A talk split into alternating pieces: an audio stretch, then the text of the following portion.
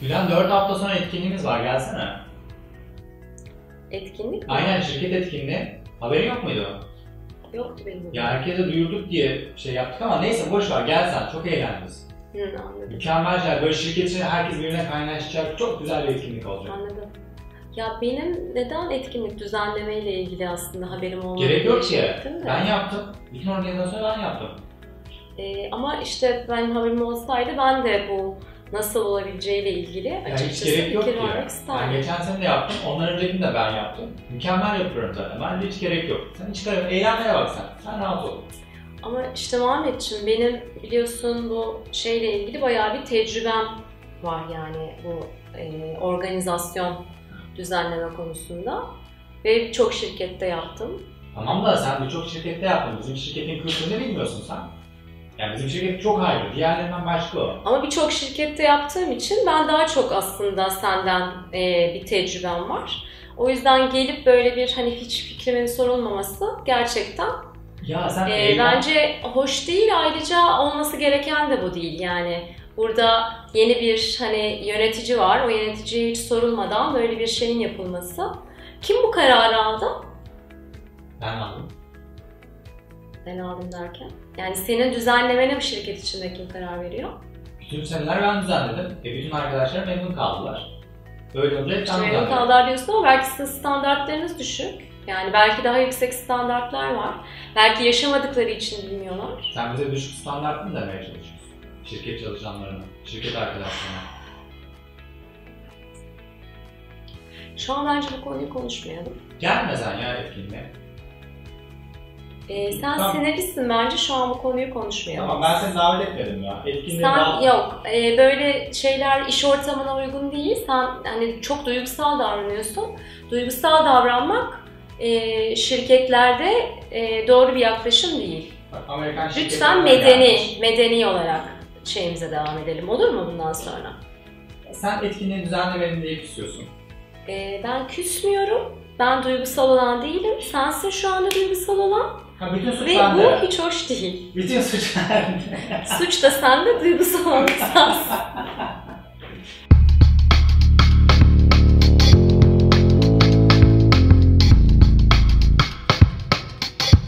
Merhaba ben Gülen. Sakın duygusal olma, duygusallığını da gösterme videosuyla karşınızdayım. Şimdi Muhammed'le biz didiştik durduk işte kim daha haklı, kim daha çok biliyor, kim daha tecrübeli falan diye. Bir sürü zamanda hayatımızda bunu yapıyoruz bildiğiniz gibi. Bu video biz acaba bunu neden yapıyoruz?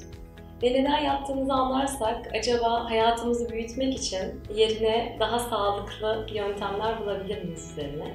İçimizdeki çocuk kavramıyla ve çalışmalarıyla bayağı bir zamandır ilgileniyorum ben. Çünkü seanslarda da yani hem kendim koşuk alırken hem kendim koşuk yaparken ya da eğitimlerde içimizdeki çocuğun tezahürleri yani onun farklı durumları, haleti, ruhiyeleri karşıma çıkıyor. Bazen içimde konuşan ses bayağı böyle öfkeli bir çocuk sesiyle çıkıyor. Bazen öyle korkulu, öyle kopuk, böyle sırtını dönmüş bir çocuk olarak karşıma bir ses çıkıyor. Ve giderek daha çok anlıyorum ki o içimizdeki çocuk kalmış parça korktukça, üzüldükçe, kendini korumaya aldıkça benim hayatımda o çocuğun aslında etrafında dönüyor. Ben ne kadar istemesem, ben ne kadar o içimdeki çocuğu duymamaya çalışsam, onu bastırmaya çalışsam da. Şimdi peki niye böyle?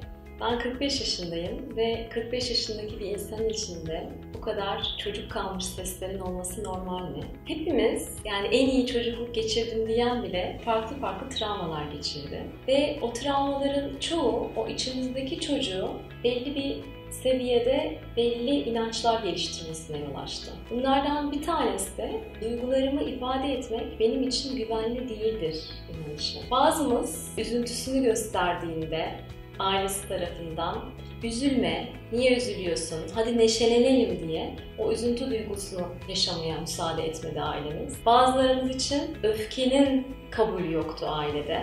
Hele ki ebeveyne öfkelendiğimizde onu bastırmayı daha çok çok küçük yaşta öğrendik. Ebeveynlerimize öfkelenmek e, bizim için hiç güvenli değildi. Bu kadar duygularımız bastırıldığında çocukken içimizde de aslında o küçük çocuk parçam şunu öğrendi. Duygularımı söylemek benim için güvenli değil. Şimdi içimizdeki çocuğun farklı halet ruhiyeleri, tezahürleri varsa içimizdeki aslında ebeveynin de farklı tezahürleri, farklı yapıları var. Eğer biz içimizdeki eleştiren, yani bu çocuğu olduğu gibi kabul etmeyen parçayla bu çocukla iletişim kuruyorsak orada her zaman bir çatışma oluyor. Ve biz zannediyoruz ki ebeveyn olan parça kazanıyor. Halbuki her zaman çocuk olan parça kazanıyor. Ama maalesef bu parça görünürdeki baskın parça.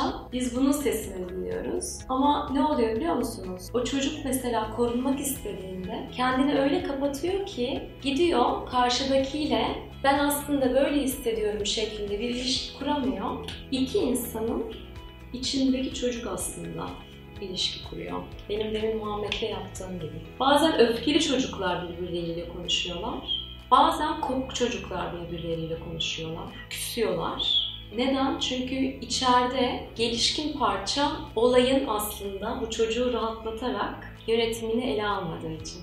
Şimdi iş hayatında duyguların yeri yok. Aslında duygusal olan kararlar vermemeliyiz falan dediğimizde biz böyle bilmiş bilmiş konuşuyoruz ve içten belki yetişkin bir parça konuşuyor gibi görünüyor ama bu içerideki çocuk konuşuyor ve onu da gayet güzel rasyonize ediyor. Esas duygu diliyle konuştuğumuzda karşımızdakiyle bağlantı kurabildiğimiz ve esas iş hayatındaki verimliliğin, yaratıcılığın, huzurun geldiğiyle ilgili bir sürü kaynak var. Biz ama bunları biraz böyle görmeyi reddediyoruz ki içimizdeki çocuk o koruma alanında kalsın diye. O yüzden size bu çocuk konseptini anlatmak istedim. Ne yapacağız? Bu çocuğa ebeveynlik yapacağız. Çocuğa diyeceğiz ki ya anlıyorum korkuyorsun ama merak etme ben şu anda 5 yaşındaki Gülen değilim. Ben 45 yaşındaki Gülen'im. Seni koruyabilirim. Karşımdakine, Muhammed'e duygularımı açıkladığımda, oradan bir atak geldiğinde ya da hiç böyle anlaşılmadım ve içimden küsme geliyor. Orada bile o diyaloğu devam ettirebilirim. Seni korumaya devam ederek diyebilirim. Diyeceksiniz ki peki nereden başlayayım? Çünkü gerçekten karşımdakine duygularımı açarsam şöyle olur, böyle olur, yakınlık olur, çok talep eder, ezik görünürüm, ezerler gibi bir sürü inanışım var. Nereden başlayacağım ben? Belki ilk başlama noktası duyguyu önce kendime söylemek. Ya ben böyle hissediyorum diye. Belki ilk önce hiç karşınızdakiyle paylaşmayacaksınız onu. Kendinize söyleyeceksiniz. Kendinize söylemenin güvenli olduğunu önce tecrübe edeceksiniz. Bunu söylemek giderek güvenli geldi. Artık nefesinizi nerede tuttuğunuzu, duyguyu bedeninizde bir boğazda yumru mu, bir göğüste sıkışıklık mı, bir midenin üstünde böyle bir pır pır bir şeyler mi olarak geldiğini de fark ettiniz. Ondan sonra kendinizi güvenli hissettiğiniz ilişkilerde bu duyguyu paylaşarak başlayabilirsiniz.